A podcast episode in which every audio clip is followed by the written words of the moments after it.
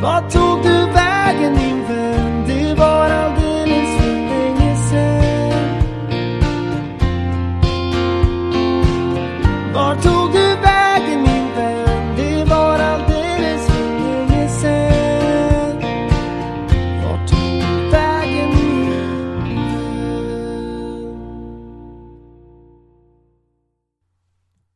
Morgon, god middag eller god kväll. Det är tisdag och dags för det trettonde avsnittet men också det andra för säsongen av Vart tog du vägen?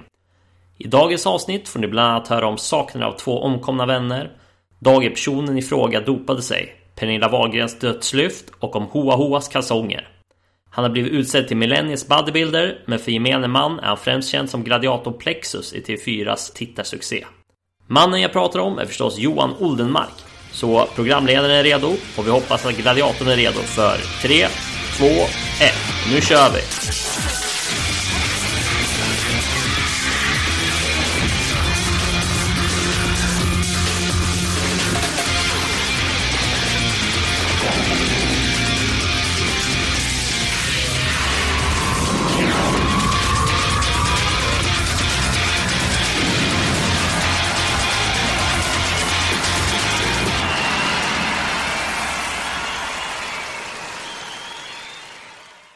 Då hälsar vi Johan Plexus Oldenmark välkommen till programmet. Jag bockar och bugar, det ska bli trevligt. Ja, hur mår du denna onsdag? Den här, äh, men jag mår bra, det är fint väder. Jag har haft lite stök med min äldre far i såna här coronatider och hjälpt honom lite innan. Så att jag är lite försenad, men jag hoppas att det är okej. Det är så okej så. Hur mår din pappa just nu? Ja, men nu mår han bra när jag har varit där. Det är ju viktigt liksom att måna om sina nära och kära och speciellt i såna här situationer som det är nu tycker jag. Ja, precis. Får man ställa upp. Verkligen. Du, dagens intervjuplats är ju verkligen en inom ditt eh, rätta område får man säga. Vi är ju på gymmet. Eh, Ja, det är ett riktigt gebit. Vi är ju på, på Delta gym. Det är väl meckat i, i Stockholm så kan man säga. Men, eh, men här har man tillbringat många härliga och roliga timmar. ja, ska man kalla, kunna kalla det ditt andra hem lite? Eh, ja, det kan man nog göra. Det kan man nog göra. Här har jag stånkat och stönat mycket. Ja. Hos, hos den trevlige Dimman som har hand om det här. Så att ja, Hur många pass gymmet kör du i veckan? Jag tränar ungefär en fyra träningspass, en styrkepass. Fast jag är ju en sån här, jag älskar att paddla kajak. Jag bor ju långt ute i skärgården så att det är det ultimata på något sätt. Det är liksom man tycker att man glider ut i himmelriket. Så tuffar man lite. Då, och det blir väl träning men det är inte det att jag sitter efter någon klocka eller håller på med någon puls. Jag kollar på örnarna och paddlar och tar det lugnt. Ja. Härligt det låter. Ja, det är fint. Vi kommer komma tillbaka lite på träningen Ja. under programmets gång. Eh, men jag tänkte att vi kan väl börja egentligen med därifrån du är mest känd och det är ju gladiatorn Plexus från eh, TV4. Jesus är joker i leken. Han är stor och respektingivande. Sin kraft får han från hunden Plexis. Men låt dig inte luras av deras pajaserier. För när det gäller kamp finns det inget utrymme för lek. Då är det blodigt allvar. Ja, jag brukar säga gladiatönterna. Men alltså med glimten, för det är ju fantastiskt roligt och har varit jättekul och att man har fått varit med där och, och eh, tävlat och pangat och bonkat och eh, är otroligt mycket roliga minnen. Och eh, ja, man tänker tillbaka ibland. Men man är fortfarande Plexus. Jag heter tydligen fortfarande Plexus och det tycker jag är kul. Ja, det har liksom hängt med. Ja, det har hängt med och, och eh, karaktären Plexus är samma som Johan. Jag, jag rättar ju till det där lite fast jag inte fick då för att Plexus skulle ju vara elak från början. Men eh, Okej. nej, det har jag svårt för. Ja, men eh, hur gick det till när du fick eh, den här rollen eller vad man ska kalla det som? Nej, jag har ju alltid varit en sån här lektomte och gillar att ordna brännbollsturneringar och håller på och stånkar med alla möjliga. Det här med att latcha och ha kul ihop. Så jag blev uppringd av MTV hette det va? MTV eller MTV. ja. Och de frågade om jag ville vara med på Gladiatorerna. Och jag bara ja! Jag kommer ihåg, så jag åkte dit och det vart en intervju och så alltihop. Och precis när de tackade nästan för så sa de Kom ihåg nu att du ska vara en elak karaktär. Och då höll jag på att bryta ihop. Ja. Det är någonting jag har svårt. Jag tycker det finns så mycket elakheter ändå. Och det räcker kanske med, det visste jag ju inte då, men att det räcker kanske med en eller två tycker jag som är lite elaka. Men eh, ja, ja, jag fick ju vara med. Och ska man uppriktigt säga så struntade jag i det helt. Mm, okej. Utan jag körde på. Ja. Och det gick ju hem då. Så att då, då då vart det ju bra till Ja. slut. Det stack ju kanske ut lite också från de andra gladiatorerna. Ja, och sen är det ju som jag, det är trots allt ett barnprogram tycker jag. jag. Jag gillar det här med glimten i ögat och man hjälper någon upp och man, man det är fortfarande lek. Det, det är för Mm. allvarligt. Det, det tar udden i glädjen. Liksom. Mm. Men när du fick den här chansen att vara med, Mm. var det någon slags intagningsprov och så inför med? Eller? Jag Ja, tänkte, det var massor med tester och prover och polisregister och konditionstester och biptester och ute på Bosön. Så det, det är väl samma som de gör för de flesta idrottare då, så att man inte stod där och inte klarar av att göra någonting. Det är ju en sak att ha lite muskler på kroppen men det är ju bra om man kan använda dem också. Mm. Så att det underlättar ju. Men det, det var ju kul och jag har alltid hållit på att spela innebandy, squash och sånt där för att jag tror grunden i allting man håller på med det, det är kondition. Har man inte den då, då spelar det ingen roll hur mycket muskler man har. Då är det bara i vägen. Ja. Men är du en tävlingsmänniska skulle du säga? Ja, men jag är en tävlingsmänniska. Jag vill ju alltid vinna. Men det är alltid domaren som bestämmer och det ska alltid vara med glimten i ögat. Ofta brukar jag säga att det är bättre med en bra förlust än en dålig vinst. Så att det är... Ja. Du det, är inte den som fuskar i någon kortlek? Nej, nej, nej, nej, nej, det tror jag inte sådär. Men eh, nej, det ska vara mer schysst. Jag, jag jagar det hela tiden. Jag åker runt och pratar och föreläser lite sådär. Så jag, jag har ju har ett koncept som jag Vad tog leken och kärleken vägen? Ja. Det är så jävla allvarligt allting. Ja. Ja, vi kommer komma in på det Ja, också. ja. Men eh, namnet Plexus, var det någonting som liksom fanns där på förhand eller var det någonting du själv valde? Nej, det var något som jag blev tilldelad. De tittade på mig och sa du är Plexus. Och då gick det runt i huvudet. Plexus? Vad, vänta nu, vad kan det vara? Och då var det väl solar plexus. Och sen var det ju, det är någon nervfläta som går i kroppen som heter plexus. Man tittar ju och undrade sådär så att... Ja, men det var ju, det lät ju sådär. Enkelt. Plexus. Ja. Det värsta är när de ropar på en. Komplexus. ja, det låter lite som en hund eller Komplexus. liknande. Komplexus. Ja, komplexus ja. Men du, eh, inför kameran och sådär, då skulle ju alla gladiatorerna vara väldigt så tuffa och sådär. Men hur såg det ut bakom kulisserna? Där var inte alla lika tuffa.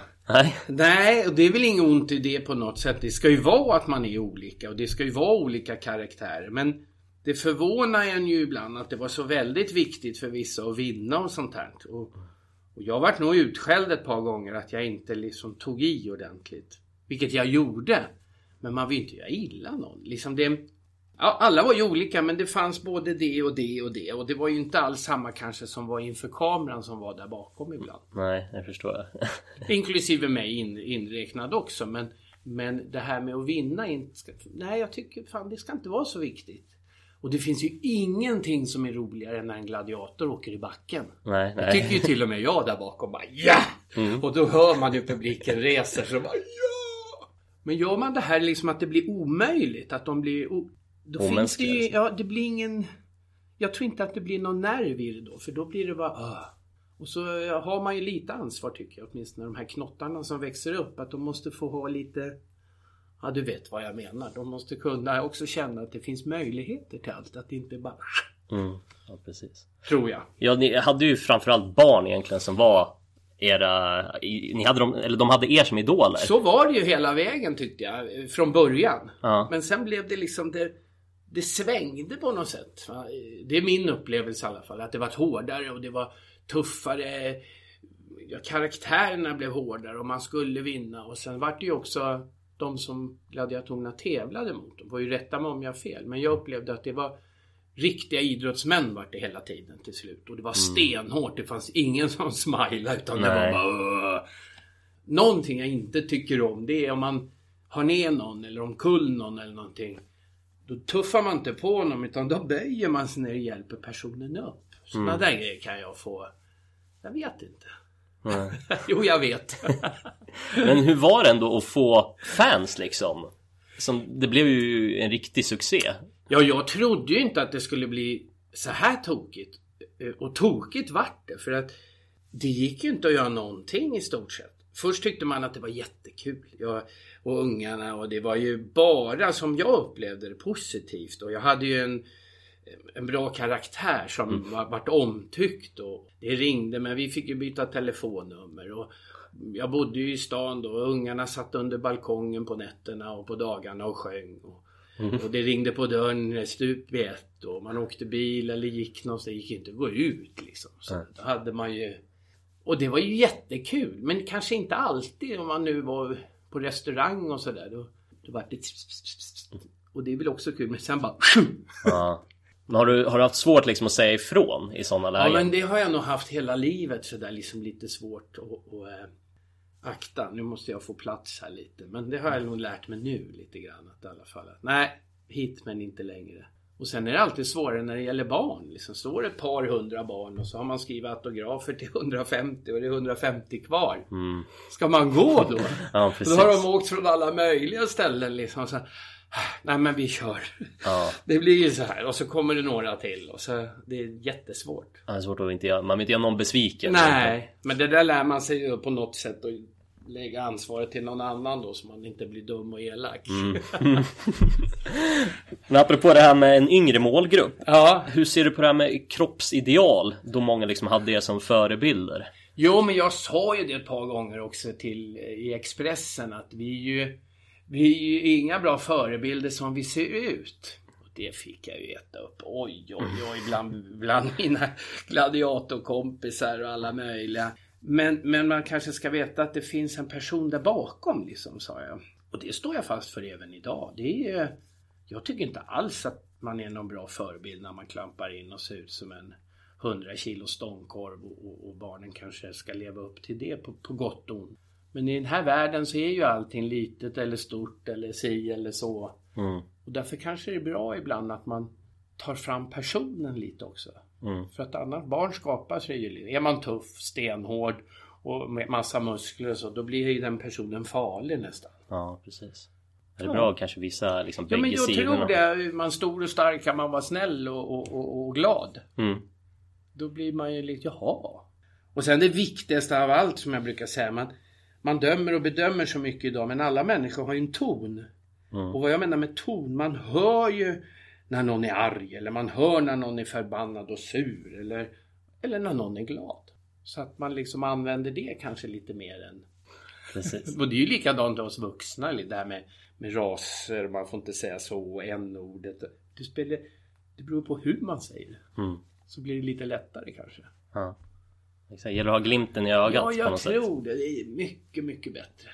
Men du under programmets gång Mm. då fanns det ju även rykten om doping, att det förekom och det, jag vet att Ja, det fanns hela tiden och det var ju det, det var ju liksom ett stort, stort sånt här ämne som var på hela tiden och, och det, vi skulle ju testas var vi än gick och jag blev tagen mitt på stan ibland. Det, det var allt möjligt sånt här. Och ja, visst förekommer sånt där, säkerligen, men jag kan ju bara prata för mig själv och jag har ju gått ut med det här liksom att jag i unga år när jag höll på och det har de vänt och vridit på och grejer. Och, mm, och, och jag åkte runt och, och pratade om det just för att jag tycker att man kan inte bara säga "Nej, ingen håller på, ingen gör någonting. Men jag Nej. kan hänga ut mig själv och tala om så här gick det till för mig. kan du och- berätta lite mer om liksom det Ja, det var ju i början när man började träna och grejer så hade man ju då kompisar man såg upp till och som tränare och jag kommer ihåg att vi tränade i Solna på en gammal klubb där, där det var alla möjliga. Och jag har ju en pappa som är läkare. Så jag hade ju bassning hemifrån överallt. Men man är ju lite sådär och man undrar och man frågar. Men så gick man till pappa och frågade lite. Men sen tänkte jag, äh, fan jag ska prova. Det här är ju inget farligt. Mm. Så jag provade, jag fick någonting av min bästa vän. Sådär då som sa det här ska du och här gör och så äter du så här många och så äter du det i en cirkel så här. Bland. Och jag hade väl ätit det där i en och en halv vecka. Vaknar upp på morgonen och har utslag i hela kroppen. Alltså från tårna, pung, överallt. Och så in på sjukhus. Ja. Högst upp jobbar min pappa på KS. Ah. Och längst ner fanns det en doktor som hette Anders Johannesson som var hudläkare. Och eh, kommer in där och han tittar på mig och det första han frågar är Har du ätit något sånt? Man ska ju inte skratta men idag kan man göra det. Så sa han Har du ätit några otillåtna preparat? Nej. Mm. Jag hade ju tryckt uppifrån och sådär. Och så tog de odlingar och så tog de blodprov. Vi gjorde allt. Men det konstiga var att man hittade ingenting. Men man kom fram till, för jag till slut erkände jag ju allt. Mm. Att jag hade ätit någonting som hade slagit ut njurar, lever, allt. Och det var så skitigt och de kunde inte liksom gå in på vad det var. De visste inte riktigt. Men jag var ju övertygad om att det skulle vara något sånt där. Men det var som de sa, det är någon som har stått och blandat ihop någonting för det var inte billigt. Så det där har jag bakåt och det har jag med mig som i en ryggsäck. Så jag är ju på sätt och vis, eller jag är ju glad att det gick riktigt åt helsike. Och idag forsar det ju liksom. Jag har ju själv en grabb som är, han är 35 idag då, men han blev ju erbjuden där när han var i 17, 18, hela tiden vad han än kom liksom. Mm. Han gillar ju det ena. Och det är ingen idé att stå, sticka under stolen och liksom bara så här, så här. Utan det är bättre liksom att få upp det. Tror jag. Och prata om det och vad man liksom kan göra istället. Och det finns ju så otroligt mycket bra grejer idag. Och hur man tränar och vad man äter. Hur reagerade din pappa?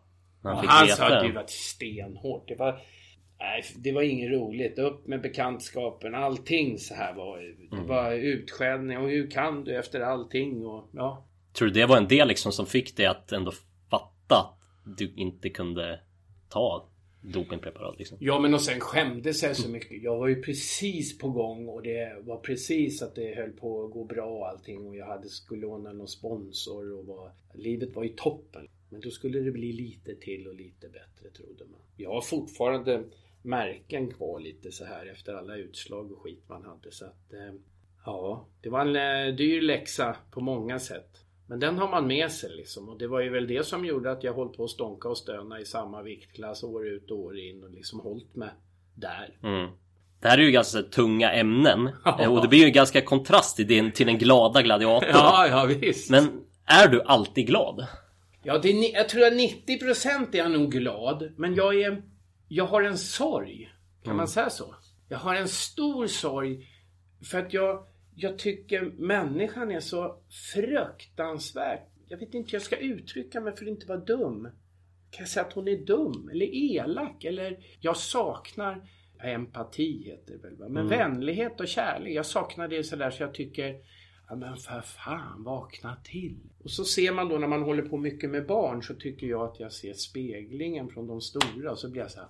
"Åh, Mm. Ska det vara så jävla svårt att säga hej eller hjälpa någon upp? Eller, och jag vill inte bidra till det som jag inte tycker om i ett tv-program till exempel. Nej. Utan då blir jag ännu mer så här, men för fan kom igen nu. Nu kan vi sprida det här åt ett bra håll. Men... eh, ja, det, det har jag nog en sorg till. Och jag kan bli... Jag har ju stängt av TVn. Det gjorde jag för sex år sedan. Okej. För jag märkte att man blir bara ledsen. Och allting liksom när det är... Det går ut på att göra de andra illa. Även om det är program eller det de tävlar. Det är så jävla... Ja, men det är vidrigt. I min värld. Förutom Så ska det låta. Det Ja men när det kom då var det så här. Äntligen ett program. Och jag kommer ihåg jag var uppe hos eh, dem på TV4 och sa men kan ni inte bara göra ett program med glada nyheter? Ett nyhetsprogram. Jag till sa det är ingen som ville titta på det. Mm. Och jag tror att det skulle sprida lite bra vibrationer så här. När man ser någon då morsar man väl? Ja men det har jag alltid gjort men det försvinner mer och mer för alla bara de har lurar, de har allt, de går på gym, alla är avskärmade. Mm. Och jag är säker på att alla vill ju synas. Det är bara att gå in på sociala medier, de gör ju vad som helst. Drar ner brallorna till och med, var de syns. Ja, precis. Men varför kan man då inte få säga något vänligt till varandra här? Ja, då åker man dit för man är antastad. ja, men det är nästan. Det blir så här. Hallå. Och därför är det så viktigt med tonen. Man har en bra ton till varandra. Men när var du liksom senast så här, Aktuell. Nej, det är riktigt arg och ledsen. Alltså när, som det liksom, som du visade det. Kan du komma ihåg det? Ja men det är fan nyligen. Jag stod på Coop och jag har ju hand om min mamma och pappa så jag är ju ganska försiktig i träffa nya människor och så. Men jag går ju och handlar och gör så. Men, men jag håller avstånd. Och jag tror på dem. Min pappa är en gammal smittskyddsläkare och han är fortfarande som 40 i huvudet men han är som 140 i kropp. Och då tycker jag att man ska ta hänsyn till det. Men då är det ju såna här där man ska stå och hålla avståndet. Och då när jag står och betalar, då står det en dam här. Och jag bara, hallå! Och så gör jag så här. Och då har hon någon munskydd på sig och så säger hon, nej men det är ingen fara, jag har munskydd. Ja men du får akta på det för att jag är orolig, säger jag. Det går inte hem liksom. Och då försöker jag förklara mina föräldrar. Då tar hon av sig munskyddet och säger åt mig att du ska inte komma här. Ja. Jävla kärring på kärring. Mm. Men det är ju, ja. Jag tycker dumheten är så här att de använder, liksom om man säger till någon idag, även om man säger till någon vänligt. Då tar de det som något negativt. Alltid ska vi skydda oss eller man resonerar mer idag tycker jag om vem som har rätt eller fel. Men det spelar ingen roll om det är rätt eller fel i verkligheten. Nej. Man kanske umgås med fel folk. Ja, det, har jag inget bra svar på. Nej, det tror jag inte. Men eh, ja, lite så tycker jag. Ja.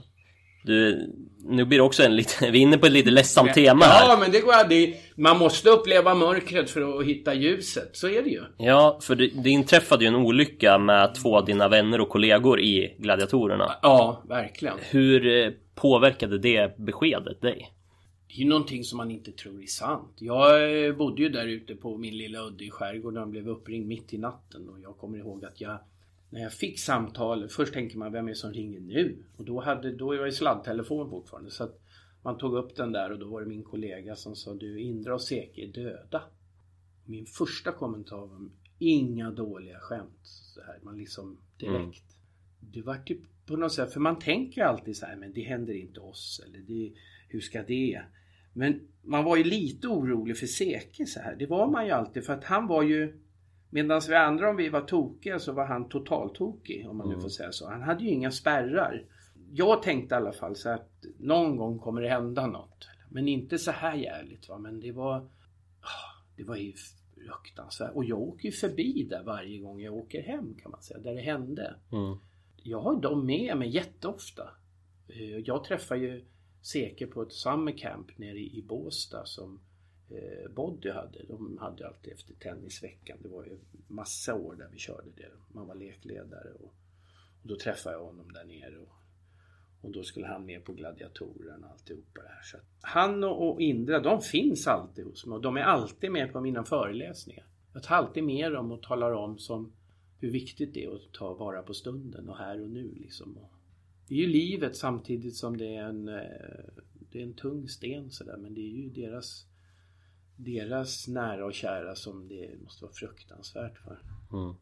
Gör det, det liksom ändå, du ständigt fortfarande påmind om det? Ja, eller? oh ja, och jag tänker ofta på dem på, på, på olika sätt så dyker de liksom upp. Eller om jag åker förbi där eh, så jag vet ju precis vad det är. Då, då kommer det upp en ibland en glad tanke och ibland något tråkigt eller men ofta så är det glädje faktiskt för att vi hade ju jävligt mycket roligt. Men han tyckte ju jag var en riktig tönt med min lilla hund som sprang omkring och mesade. Han ville att jag skulle ta i någonting. Och jag sa bara liksom, men se, ta det lite lugnt, det är barnprogram. Så vi höll ju på sådär, fast på ett roligt sätt. Ja. Fast jag tror han tyckte jag var töntig och jag tyckte ju han var alldeles för mycket. Men, eh, Ni var motpolerna på ja, det var vi verkligen så här. Mm. Ja, men det var, en, det var en god människa innerst inne där bakom allting. Vi börjar närma oss slut på det här med gladiatorerna Men jag Ja. tänkte att du skulle få chans att bara sammanfatta din tid kort Men några ord bara vad Ja, jag tycker. Ja, alltså, glädje framförallt. Eh, eh, gemenskapen var ju underbar. Eh, sen det som är väldigt viktigt det är ju att få se hur det går till på gott och ont. När det gäller reklam, tittarsiffror och vad man tänker och vad man tycker enligt eh, redaktion och sånt. Ibland blir man skräckslagen och ibland blir man ju glad men eh, det är förvånansvärt att pengar styr så otroligt mycket. Och det verkar vara det enda som styr, tyvärr. Men då fick man lära sig det också. Ja men det var väl en bra sammanfattning i alla fall av tiden Ja, ja, men den, kort och koncist. Ja, jag tänkte vi ska prata lite om tiden innan gladiatorerna också. Ja, Mm. Eh, var tog ditt liv sin början? Till att börja med. Ja, vad tog mitt liv sin början? Jag får fråga mor och far. Men, men ehm, ja, det är väl Solna som jag kan väl säga att jag är, där det startar lite grann. Så man kommer ihåg lite. Råsundavägen när man var lillknatting. Och så gick man i Hagalundsskolan, tvåan och trean. Och sen vart det väl, eh, jag gick, nej det vart Solna, Huvudsta, Ängkärr runt där. Sen har jag ju och har alltid haft en tokig far på, på många goda sätt. Som eh, tyckte om att flytta. Jag tror jag gick, eh, när vi skulle till, när jag var i sexan då flyttade vi ut till Norrtäljetrakten. Och så bodde vi där ett tag. Och sen så ville de få lite ordning på mig så då skickade de mig till Sigtuna humanistiska skola skulle jag vara där på internatet. Sen om det varit så mycket ordning vet jag inte, men jag har ju varit där. så att, eh, ja men där startade det, i Solna. Så Solna känns väl lite som min hemmatrakt. Men Norrtälje kanske ännu mer. Där gick jag ju i skolan 7, 8, 9. Men, men Norrtälje är ju där jag trivs ute i skärgården bland djur och natur. Jag känner mig nog som Ferdinand lite så här. Jag älskar ju att vara där. Man får inte klippa gräsmattan hos mig och sådär. Och det ska vara vildvuxet och det ska lämnas i fred. Och med otroligt mycket djur och natur. Och det är tama ekorrar och det är grävlingar under eh, fågelholken. Och jag har en utterfamilj som bor i bryggan. Och Ja, två det låter katter. väldigt fint. Två katter. Vi ska få se bilder sen. Nej, det är Ja. jättefint. Mm. Man- Men hur hur var du som liten grabb då? Alltså som person? Ja men alltså som liten grabb, jag kommer ihåg att när jag gick i ettan, tvåan i Huvudsta så hade jag en härlig fröken som hette Kerstin Sterner. Jag vet inte om man ska säga namn men det spelar väl ingen roll i sådana här sammanhang. Så länge det inte är någonting alldeles för negativt så är det nog lugnt. nej, nej, nej, det, det är nog bara positivt. Och hon tyckte att jag skulle ha en timme i klassen på måndagar när jag kom från helgen när jag hade varit på landet. För jag var så intresserad av djur och natur. Så jag hade en timme varje måndag och det hette Måndagskassen med Johan. Och då hade jag en kasse.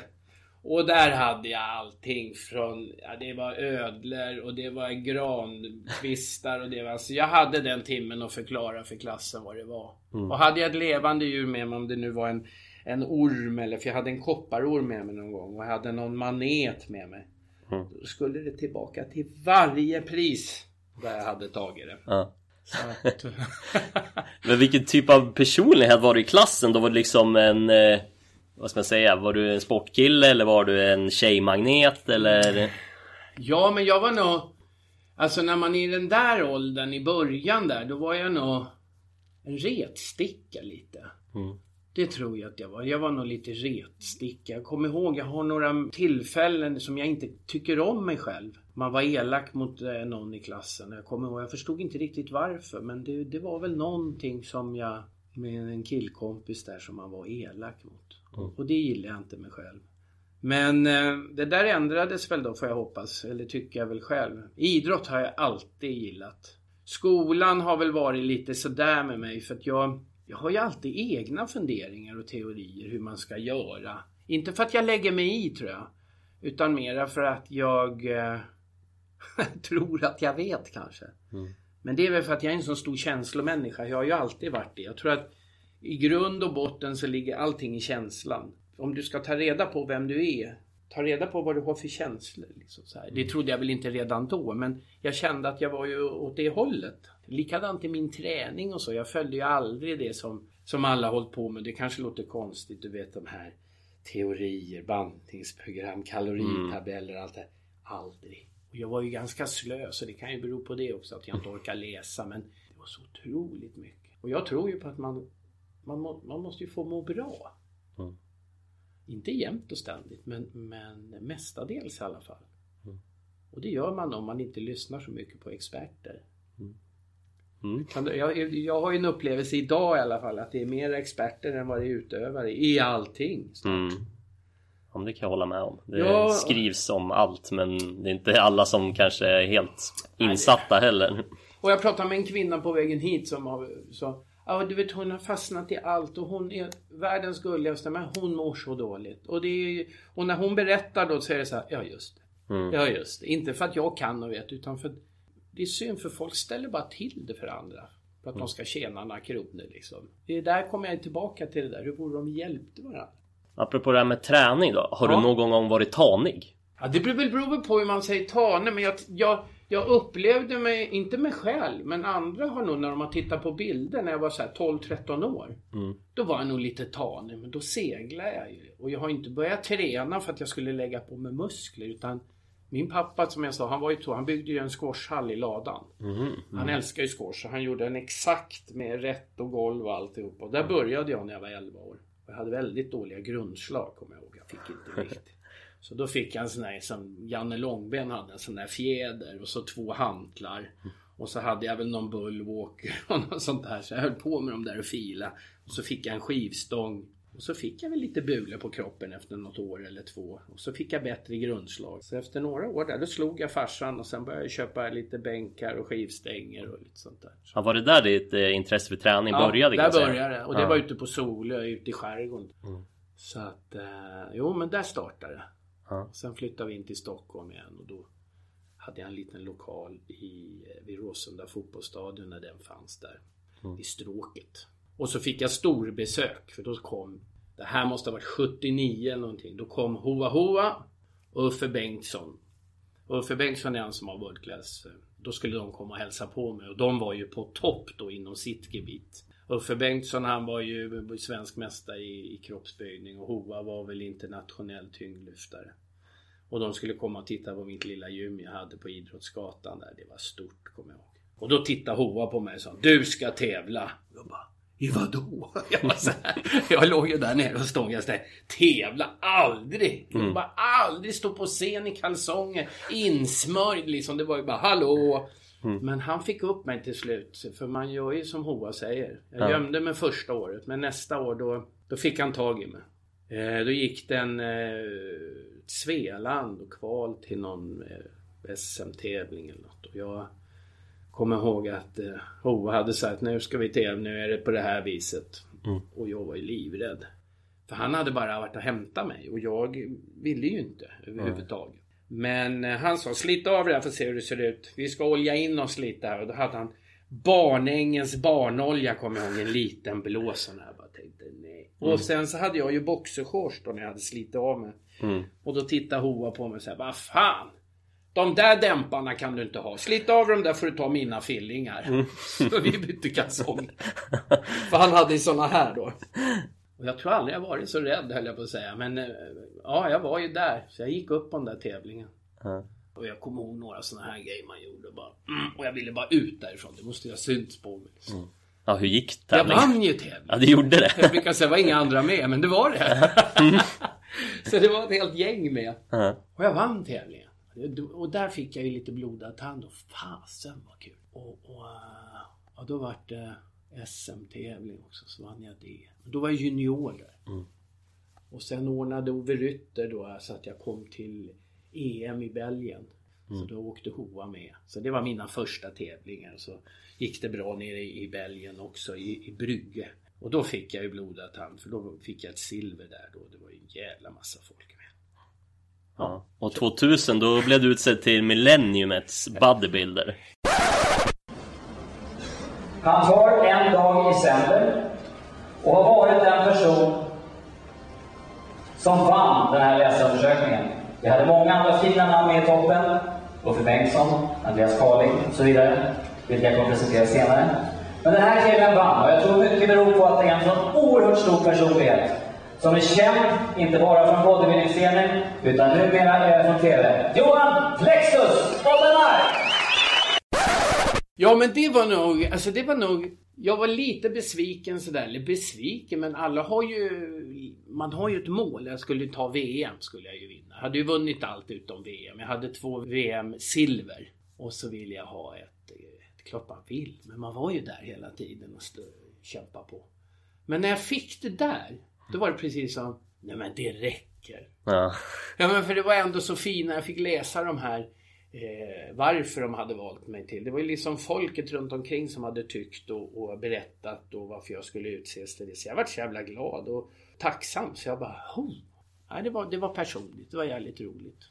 Men kan du beskriva lite hur det är liksom att pusha kroppen till max liksom? Ja, men på, jag vet inte. Jag, jag tror att, att det här med träning är så felvinklat. Och sen så tror jag också att många som håller på, jag säger inte alla, men många som håller på med det talar om för de som inte håller på hur fruktansvärt jobbigt och hur hemskt det är. Och vad man får äta och vad man får göra. De bara snackar skit för de inte vet något. Mm. Jag anser liksom att det, det ska ju vara en rolig resa. Men vad man än håller på med, om du ska bli kanotist eller om du ska hoppa höjd, så behöver du lite karaktär och lite jävlar anamma liksom. Det är ju det. Och, och, och det du håller på med ska du göra för egen räkning för att du tycker det är kul. Då kommer du liksom som hockeyspelare, man blir inte bara en hockeyspelare och säger man då, utan man tränar och nöter och, och, är på. Mm. Och, och, och jag säger så här, maten, det är ju en jättestor eh, viktig grej som man stoppar i den här kroppen. Men alla pratar bara om liksom vad det innehåller kalorimässigt eh, eller kolhydrater. Det är ingen som tar reda på vad det är för råvaror. Liksom. Det är ju det som är viktigt. Jag har aldrig räknat eller aldrig, och kan jag så kan ju alla andra men det är så jävla mycket pengar i det här. Vet, Mm. Med kosttillägg och konstiga program och böcker. Och jag tror det bästa är att lära sig att bli expert på sig själv. Mm. Gör det som funkar för, för dig själv liksom. Ja men och det- kommer funka för alla tror jag. Visst, sen kan man ju få en PT-tränare som kanske hjälper igång en. Mm. Men man kan ju inte ha en PT-tränare hela livet. Nej. Nu kommer de slå mig. Men, ja men det är ungefär som om jag frågar, har du körkort? Liksom. Mm. Ja, ja, har du, sitter körskolläraren där ute och väntar? Då kommer han snart. Nej men Mm. den ska ju bort så man ska köra själv sen. Ja. Du, apropå det här med att eh, pusha kroppen. Ja. Eh, jag tänkte att vi ska ha ett litet test på det temat. Okej. Eh, jag tänkte att du ska få se fem kända personer och deras vältränade kroppar. Okej? Och du ska få beskriva dem och rangordna dem och betygsätta dem. Okej. Det är inte jättebra radio det här kanske eftersom de inte kan se bilderna. nej, men, nej, ska jag förklara hur de ser ut? Ja, du kan ju eller? förklara lite i alla fall så, Eller vem det är vi ser på bilden om du känner igen personen. Ja, jag är jävligt dålig på sånt där som inte har TV heller. Ja, ja men vi, vi börjar med första här då. Ja. Oj, en gammal stångkorv alltså. Det är Arnold. Jajamän. Ja. Vad tycker du om den kroppen? ja det är för mycket. Mm. Och visst, han är ju bra inom det här gebitet, men jag skulle ju aldrig vilja se ut sådär. Eller, nej. Det, är ju, det där är ju King Kong. Ja. Även om han nu var på den tiden, men han var ju det ultimata då, liksom enligt de ramen, den ramen. Så att det är ju fantastiskt. ja. Ja. Vi kör nästa då. Ja. Då har vi Brad Pitt där från Fight Club. Ja, mycket coolt. Ja men det där är ju en kroppstyp som jag gillar. Jag har alltid gillat liksom och alltid tyckt att det är lagom på något sätt. Även fast jag ser ut som jag gör eller har gjort eller gjorde under den där tiden. Men det där tycker jag är, ska man säga coolt då? Inte för att det är Brad Pitt. Vi kan ju hugga av han huvudet. Vissa tycker väl det är synd då. Men, kroppen är snygg. Ja. Och just i den filmen så här. Då står han Arnold hittills i alla fall. Absolut. Ja. Nummer tre Ja, där. Ja, okej. Ja. Eh, Zlatan. Zlatan. Ja, men det är ju, alltså visst. Han har ju, men jag vet inte, enligt mitt eh, tycke då, så att eh, det är väl för att jag själv är så kort tycker han är så jävla lång. Det är väl en, eh, en snygg kropp, lite för hård kanske, Mm. tycker jag. Ja. Kanske mitt emellan de två andra då? Ja, någonstans där liksom lite. För nu är det ju bara vad man ska tycka, eller hur? Ja, precis. Och vi tar nästa då. Ja. Då är det Dwayne The Rock Johnson. Ja, ja, ja. Han är stor alltså. Han är jättestor. Men man tycker ju om han för han är en sån charmig person, tror man. Det lilla man har sett och hört. Men alltså... Det känns Han- kanske lite lika där Ja, på men något han har ju sätt. glimten liksom. Jag tycker han är... Han är... Ja, men det känns bra med honom på något sätt. Ja. Ja, Han är stor, men visst. Men jag menar, sen är det ju ingenting som jag skulle vilja säga att det är knoppar eller ungdomar som håller på att så här ska man se ut. Nej. Det är ingen, det här är ju bara vad jag tycker nu när jag sitter så här liksom och, ja, precis. ja. Vi tar den sista då. Får vi Jajamän. se vem, det Vem här är det? Ja men det där är ju, det där tycker jag själv är en snygg bild alltså. Så. Men Mm. Ja, vem är det vi ser? men det, ja det är jag.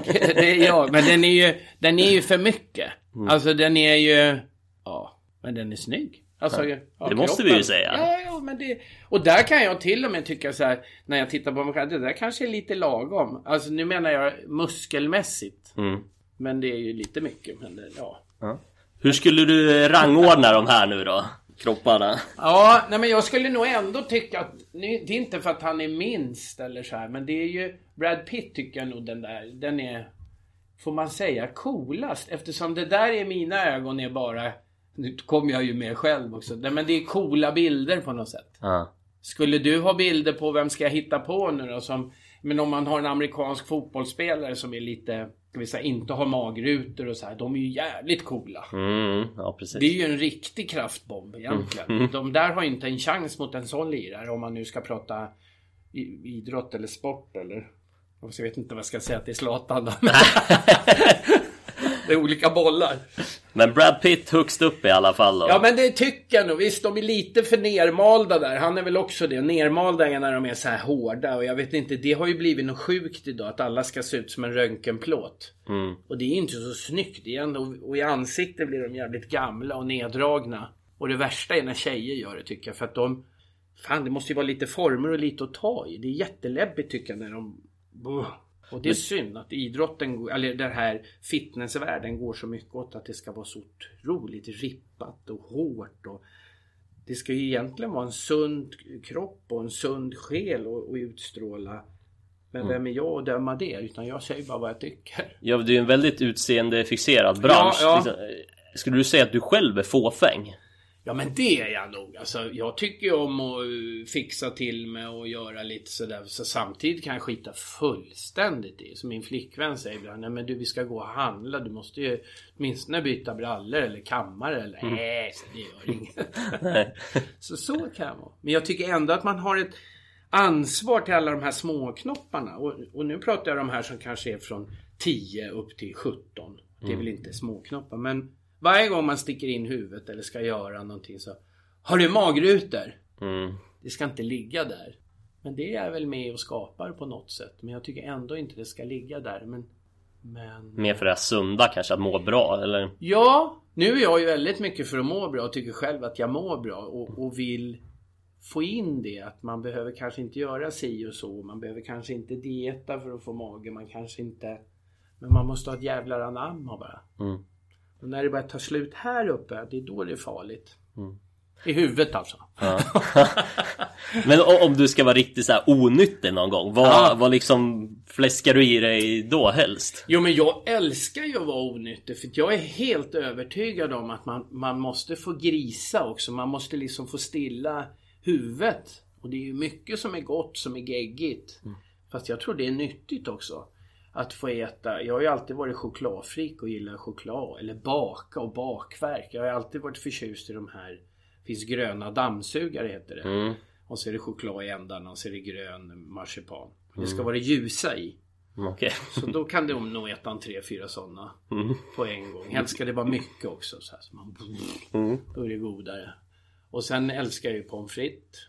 Men jag tycker om att laga maten själv mycket. Jag älskar att laga mat och baka. Ja, du var ju med i matprogram där Ja. klockan nio hos Stjärnorna. Ja, ja. Liksom, hur... eh, Har, ja, du har ett intresse för Ja, matlagning ändå? alltid. Och jag lagar alltid mat. Och, och jag tror det var min farmor som skapade det. För att jag fick vara med henne när hon lagade mat. Och, och jag var jätteintresserad för att det var så gott. Då ville jag komma åt det där goda. Och där får jag ju också det här med råvarorna. För jag tycker om att gå och handla så jag vet vad jag stoppar i mig. Inte för att det ska vara nyttigt. Men det är ju också viktigt. Men för att det ska vara gott. Mm. Och ju bättre råvaror ju godare är det fasen. Ja. Har du någon liksom paradrätt då som du ofta gör när det är middagsbjudning eller så? Nej men paradrätt. Jag gör ju, äh, min äppelkaka det är ju farmors då som jag gör. En äppelkaka med 1, 2, 3 deg och vaniljsås och sådär. Den brukar jag och den går alltid hem. Ja vad gör jag som är paradis? Panerad kyckling kan jag väl göra eller lårfilé som jag steker på ett speciellt sätt. Fast jag är väldigt mycket för att mixa och trolla och hitta på. Mm. Du kör liksom på känsla där ja, också kanske? jag har inga det här så många deciliter det eller det. Ja, det är väl i riskokaren då kanske. Mm. Annars kör jag mycket på känn. Jag tror hela mitt liv är på känn. Mm. Och jag tror att många människor skulle behöva komma tillbaka till känn. Inte nu när det bara gäller mat, men överhuvudtaget. Liksom, för att man ska hitta rätt. Det går inte att göra som alla eller han eller hon har gjort. Eller, man måste göra som man själv vill. Ja. Nu har vi kommit en bit in i programmet här. Ja, ja. Eh, Men jag har fortfarande inte ställt min fråga som jag alltid ställer. Okej. Och det är Var tog du vägen efter gladiatorerna? Ja, vad fan tog jag vägen? Nej men ska jag vara riktigt ärlig så här så är det så att jag har, jag har nog aldrig Nej det har jag inte. Jag har aldrig frågat efter att vara med i något program eller sökt till något program eller eh, sådär överhuvudtaget. Jag har däremot tackat nej till några sådana här tokprogram. Det är väl allt som jag tycker. Och sen har det alltid blivit så när jag ska vara med i program och så. Jag tycker det har varit kanske lite mycket kropp. Eller som att de ber att man ska vara med i ett program när man ska intervjua olika och så ska man komma in med bar överkropp. Liksom så här, det, det är inte min grej eller. Nej. Det är, jag menar en hockeyspelare han står inte med hockeyklubban liksom. Nej. Det blir så här, då, då, då tycker jag det blir lite påsigt. Även om det kanske skulle vara ett roligt program, det vet jag inte. Men sådana där grejer.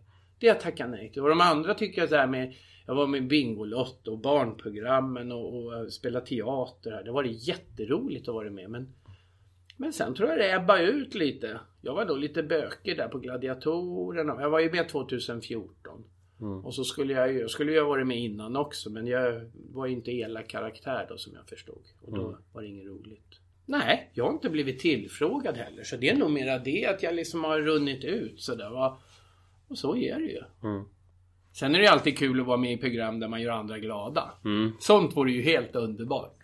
Men kanske liksom inte fokus på kroppen då utan mer Nej, på... det så, och så är det alltid tävlingar och på olika sätt. Det är ju skitkul. Men vad fan, jag är ju 60 bast med. Jag måste ju liksom... det, det, det räcker så. Åtminstone med sådana. Visst skulle det vara kul att vara någon... eh, Eller göra något eller ha någon annan eh, roll eller... Eller de där som åker runt och lämnar pengar till alla och ringer på dörren. Det är ju Ja, underbart. Postkodmiljonären. Ja, tack.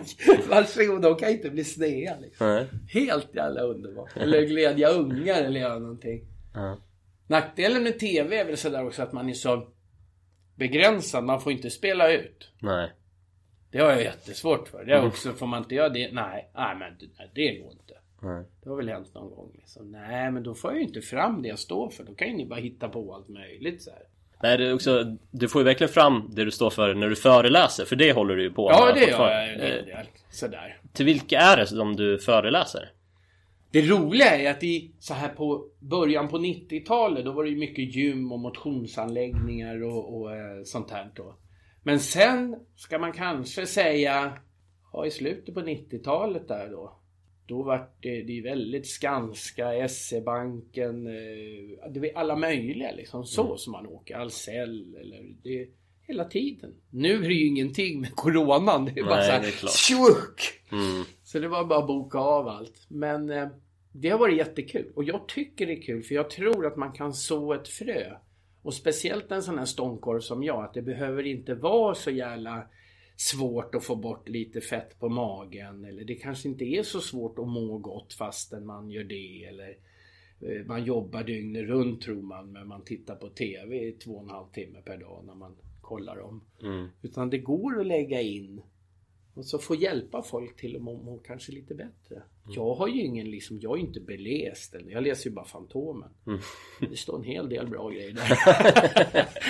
jag, jag känner ju bara. Jag, jag har ju den eh, filosofin lite också. Det är inget fel att, att, att lära sig och plugga och allting. Men det är lätt att de människorna som är, de fastnar i det här. Eller man går PT-skola för att lära sig äta. De kör ju allting likadant. Men det gör inte jag. Utan jag tycker att det är väldigt viktigt att man har en individ framför sig. Så man ändrar och man fixar. Och man...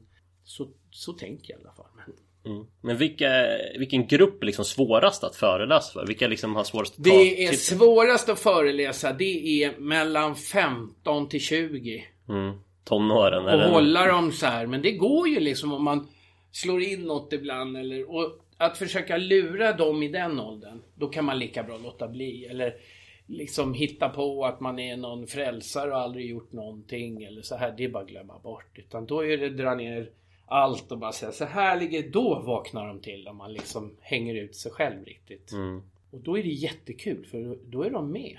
Jag har åkt på jättemycket skolor och på gymnasium. Och... Är det liksom svåraste men kanske ändå den roligaste när du väl når fram Ja, till ja men det är det. Och, och, och de hör ju alltid av sig via Mm.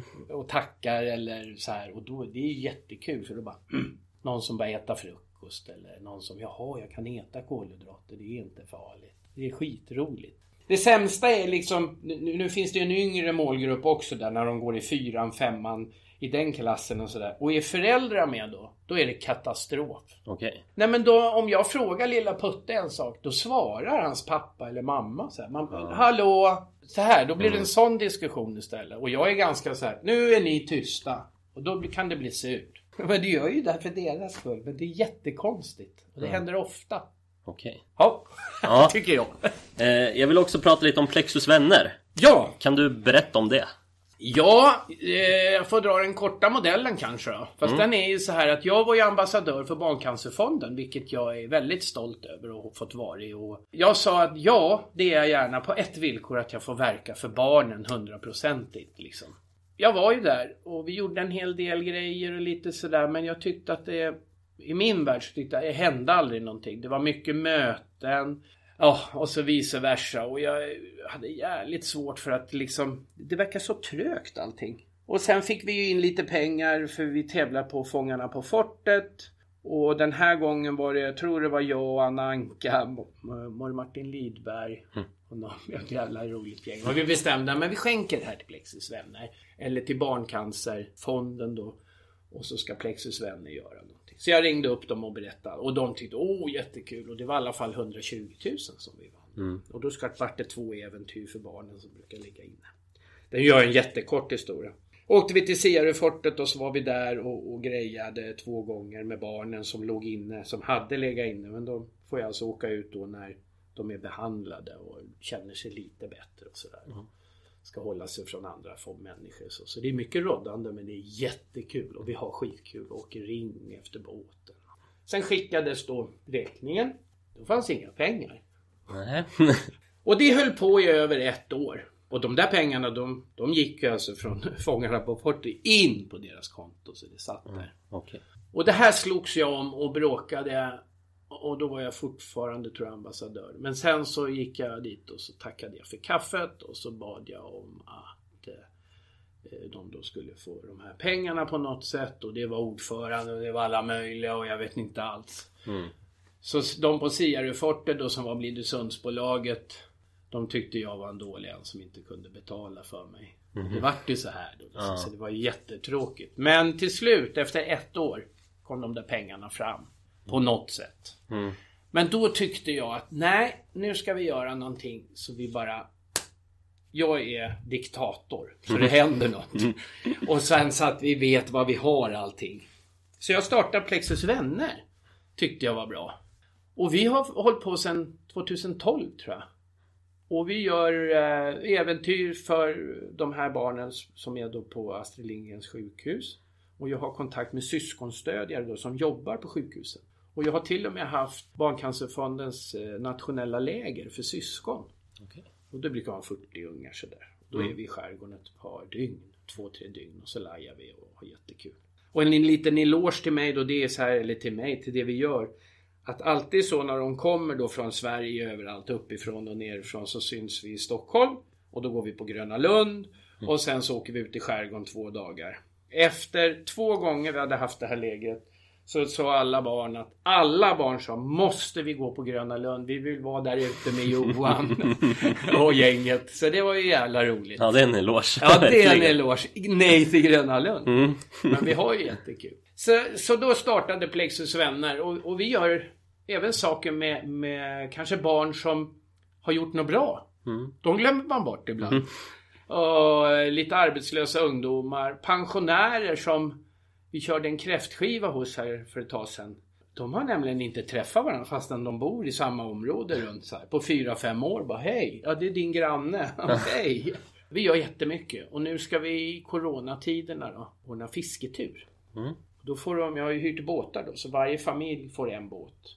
Så då med här med coronan, så då är de där och så tar vi en båt till. Så det är fem familjer som får komma ut. Och de, jag har pratat med en familj och de säger bara ja, så vi får komma. Så det känns kul. Och man kan undra varför man gör någonting sånt här. Och jag tycker, varför gör man det inte? För det är ju så många som, som verkligen behöver alltså, få göra så. Och jag gläds. Och sen kommer man på hur jävla bra man har det. Här sitter en familj liksom som har två barn och bägge barnen har, har cancer. Alltså hur påverkar det att få höra de historierna ändå? För det måste varit ganska mycket alltså, jobbiga saker också som du får höra. Och Ja, men jag vet inte om jag är något fel på mig eller Det är jättetråkigt och vi skålar ju för många som har gått bort. När vi äter middagar så är, är det ju flera barn som inte finns längre. Men, men det är ändå som ett ljus. Alltså om du förstår. För att när vi skålar då och då, då är, det finns en som vi kallar för syrran då. Hennes brorsa, han gick ju bort för ett tag sedan sådär. Och då är hon glad för då är hon på hemmaplan och hon vet att han är borta och vi liksom Så pratar vi om honom som han... Ja, jag tror att det, det känns jävligt bra. Och de som är med tycker att det är jätteskönt att vi inte har några scheman. Mm. För allt de skapar, så det är så mycket skillnad och det är så här. Jag är ju sån här som tycker att ja, men vi måste se vad det är för väder. Vi måste se. Men det finns ändå liksom ett bagage med grejer som man kan göra. Som att man har roddat upp. Men det kan ju vara liksom någon blir sjuk, en någon, ja men då ändrar vi så gör vi så här. Det kan inte vara svart eller vitt liksom som det är oftast är. Men det har vi bestämt, nu ska det vara. Ja men det går. Ja, nej. Och det är skitkul det här. Och många gånger så blandar vi gamla och, och barn. Och vi har ett gäng som tycker om att sjunga och du vet en unge som ställer sig på ett bord och är 11 år och, och sjunger eh, eh, vad heter Lasse Bergshagen den där eh, han tar av sig sin kavaj. Ja. Det behövs så lite egentligen som betyder så mycket. Mm. Och så får de komma ut och åka lite båt och så fikar vi och så åker de hem. Så lever de på det och frågar när det blir nästa gång. Ja, men vad fint. Ja, jag tycker nog det. Verkligen. Men du, genom din yrkeskarriär då har du ju även skådespelat en del. Eh, utöver Plexus har du ju gestaltat Stark Adolf. Jaha, Och du har varit med i barnprogram med Markoolio. jaha. Har du liksom haft ett intresse för skådespeleri? Nej. Nej, det inte... Nej, totalt värdelöst. Jag har blivit, jag var så, vissa sa till mig, men fan, jag blivit erbjuden några filmgrejer så här, för de, det har ju inte varit klart, men de har tyckt att jag passar för som jag ser ut då. Mm. Och nu sist var det, är det ett halvår sedan, då var det någon Beck. Och han var jättekul sa jag. Och så skickade han någon manus. Men det är ingen idé. Nej. Nej men jag känner så här och då sa han så här, ja men läs igenom allt. Jag skulle vara någon bovkille där. Det är hur mycket som helst. Ja, det går inte. Och likadant när vi spelade på Göta Lejon där när jag skulle vara Stark Adolf. Jag skulle göra massor med grejer och sen säger han till mig så här. Ja, så ska du sjunga sol också. Okej. Och sen ska vi dansa och då går du dit och när alla går till höger då går jag till vänster. Mm. Men jag har någonting, jag måste fri... Jag vet inte vad det är. Jävligt svårt för att lära mig Ja, manus. manus. Mm. ja. Det är skitsvårt. Alltså, Mm. Jag måste få, som det är i, i själva stunden där. Mm. Jag förstår ju, men samtidigt förstår jag, fan vad duktiga de är. Ja. De här som spelar in två filmer samtidigt. Mm. Nej, det finns inte Ja, du- sportcaps. Du tror inte du skulle kunna liksom spela en roll utan då blir det kanske dig själv på något sätt. Ja, ja, ja på no- jag vet inte. Men sen så tror jag också att ger jag mig fan på det så skulle det gå. För allting är ju möjligt. Men jag har ändå ingen lust. Nej. För då är jag ju fast. Och sen är det liksom, det är ju ingenting som du gör på en kafferast. Eller, utan det är ju frågan om månader verkar det som. Och då ska du in i den där och vara i den där och så bara fjupp, nej fy. och alla bara, det är jättesynd, du måste vara med.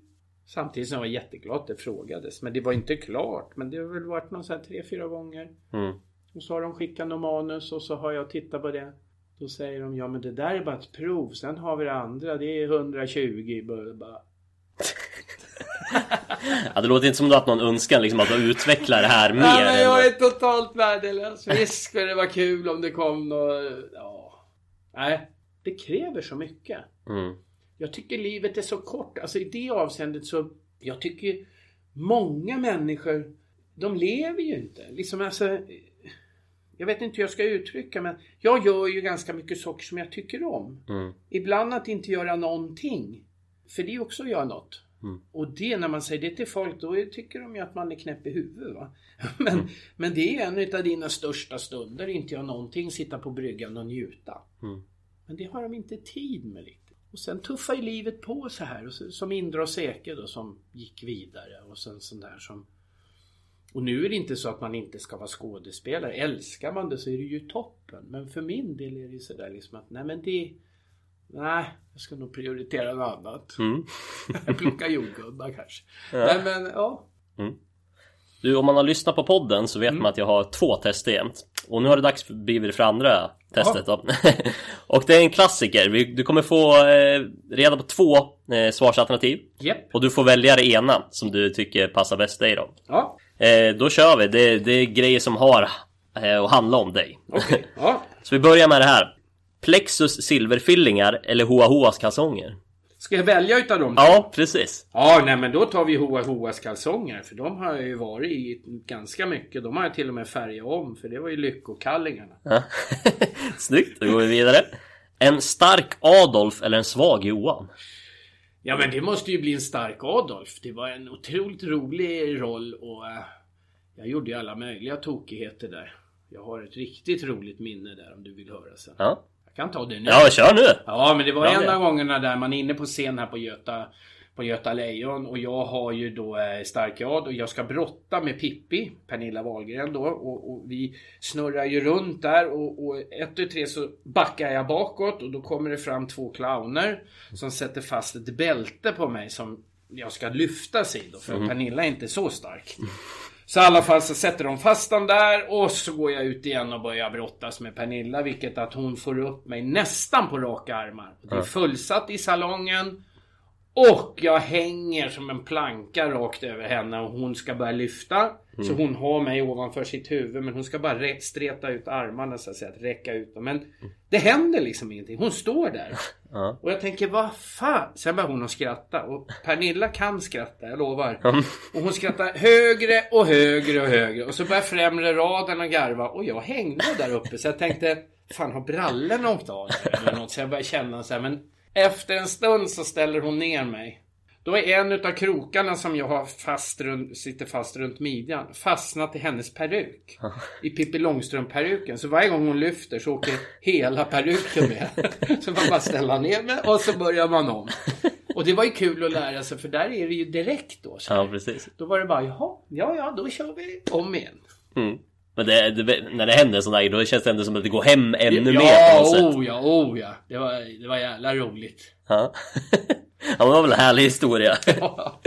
vi, vi kör vidare här då. Ja, Malin Berghagens yogasmekta avokado eller Jonas Wahlströms hummer från akvariets korallrev. oj oj oj. Nu Det var två, eh, två middagsbjudningar. Ja, det var två middags... Eh, men avokadon? Ja, nej, jag tar nog eh, Jonas hummer. Ja, snyggt. Ja. Nummer fyra. Ja. Hunden Plexi eller katten Lillisen? Oj, vilken svår! Bägge är borta.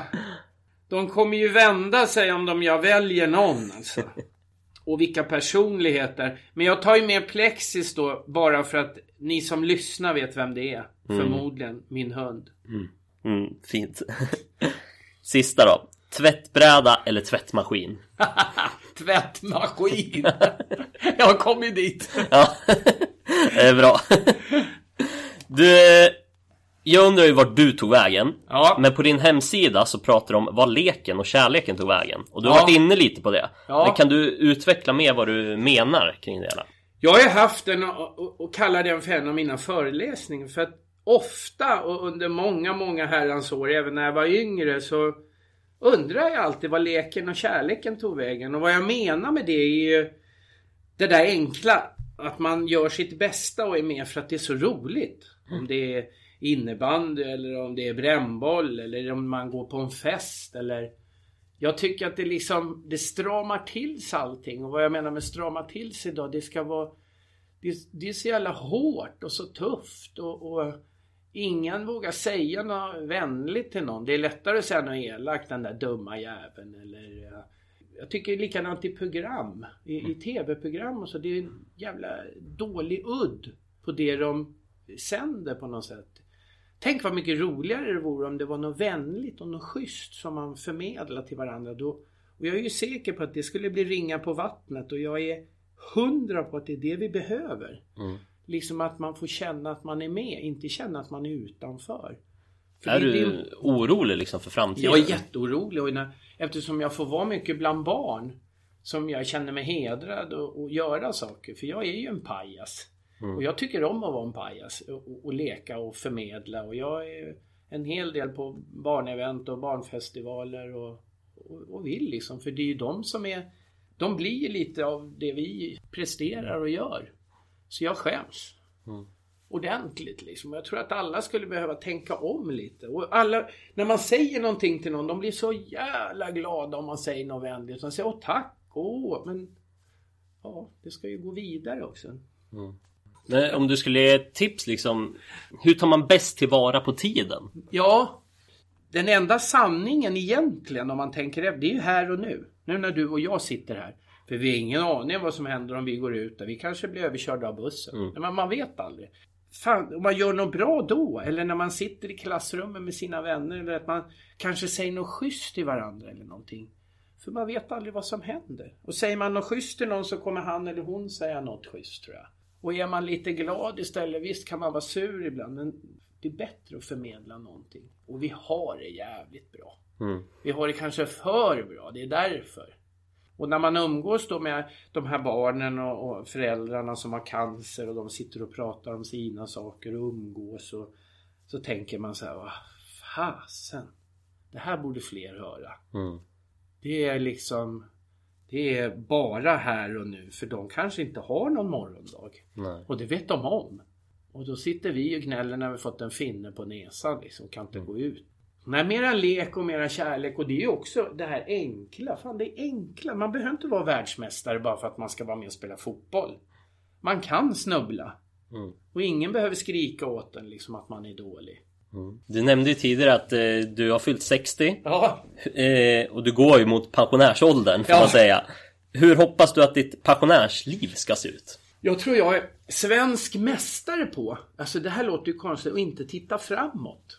Eller jag kanske upplevt mig som pensionär hela livet eller någonting för att jag det, visst är det förändligt men stakar man ut saker och säger att det blir så och det kommer bli tråkigt eller det kommer bli bra. Då har man ju på något sätt och omedvetet tror jag markera in det lite grann. Jag kan väl säga om du, på din fråga, jag hoppas att det blir lika bra som det är nu. Så kan jag svara. Det var väl ett utmärkt svar tycker jag. ja, ja, ja, men det, det, det gör jag. Att man är frisk och, och glad och, och eh, får vara det för att man är det, inte för att man ska spela det. Men har du någonting du önskar att du skulle ha gjort men du inte har gjort än då? Ja, men jag har en grej. Det var ett VM som gick i Kuala Lumpur. När jag fick maginfluensa dagen innan vi skulle flyga. Lyssna på det här, men det här kan komma på det. Och den killen som vann min klass, han hade jag slagit förra året. Nej, det är någon sån här tokig Det är ett ego som pratar. Det är egentligen en töntig grej. Men den kan komma upp så här lite roligt ibland. Inte så att det är något tråkigt, men bara för att du frågar. Och någonting jag inte har gjort eller har gjort som jag skulle vilja ha. Nej, jag är väldigt nöjd med, med tillvaron. Men om vi vänder på frågan då. Ja. Har du någonting som du gjort som du önskar var ogjort? Jag har kanske varit inne på några, dels med doping och det var... Ja, men det var ju bra att jag gjorde på sätt och vis där med dopingen tycker jag. Visst, det kanske man skulle ha ogjort, men det är ju många som har sagt till mig, du ska träna sådär och göra sådär istället. Då hade det blivit bättre sådär. Nej, men det hade inte blivit bättre för då hade jag inte varit den jag är som jag är nu. Nej. För jag vill ju gå min egen väg och jag är ju jag är nöjd med mina misstag och, och, och, och mina bra grejer jag kanske har gjort sådär. För att jag har, jag har liksom tagit dem samman och, och, och tycker att ja, men det är nog därför jag är den jag är. På gott och ont. Och det tror jag alla människor ska lära sig lite mer och vara nöjda. För att oftast när man pratar med folk då är de jävligt missnöjda. För man ser oftast bara det man inte har. Det vore bra ibland kanske att titta allt man har. Det är jättemycket. Och som den här kvinnan jag pratar med som jag träffar flera Hon är alltid glad och trevlig. Jag sa det till henne. Ja, det, ja men det är jag nog. Mm. Sånt där som man kan, ska titta på ett ställe. Det var ju fina visdomsord här i Ja, det var nästan tungt. Nästan tungt. Fast jag är faktiskt där och funderar mycket och försöker prata om det. För att det är så jävla enkelt att göra så mycket bara man liksom bjuckar till lite. Mm. Jag tror inte man behöver bjucka till när man väl är där. Det kommer automatiskt. En utsträckt hand, det är väl självklart att man hjälper till, inte att man sparkar på den. På något sätt. Det är så enkelt men ändå svårt på något sätt ändå för vissa. Jättekonstigt alltså. Ja, vi får hoppas att det går åt det hållet i alla fall. Ja, Ner. jag hoppas verkligen.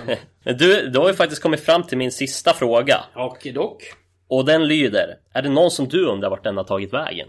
Om jag undrar var någon har tagit vägen. Oj! Vilken svåris! Mm, jag avslutar hårt. Ja, och du vill gärna ha någon, alltså någon, någon person som folk vet vem det är så här som... ehm, Ja, helst någon som man kanske Ja, skulle kunna som man intervjua. kan... eh, han är död, han är borta så... Ja, men den måste jag fundera på att komma tillbaka lite grann. Jag har inte... Nej, den, Nej. Den, får- den får jag lägga lite så ger jag den dig senare. Ja, vi bra. får köra på det. Men fan vad härligt Johan att vi fick till denna intervjun. Hoppas du har haft lika kul som jag har haft det. Ja, men skittrevligt och jag, jag kom ju lite sent och sådär men jag... Eh, Det där är glömt sedan länge nu. Jag bockar och bugar att jag fick vara med. Det var kul. Ja, kul att höra. Eh, Då återstår det bara för mig att säga tack till er som har lyssnat och vi hörs snart igen. Hej då! Hej då! Ha det gott! Ni har lyssnat på det trettonde avsnittet av Vart tog du vägen podden? Jag vill rikta ett stort tack till just dig för att just du har lyssnat, men även till Johan som tog sig tid att bli intervjuad. Är det någon du undrar vart den har tagit vägen, som du tycker jag ska intervjua, eller bara har någon fråga rent allmänt? Tveka då inte på att höra av dig till poddens Instagram. Det var allt för denna gång, men vi hörs förhoppningsvis om en vecka igen. Så eh, se till att ta hand om dig tills dess. Hej då!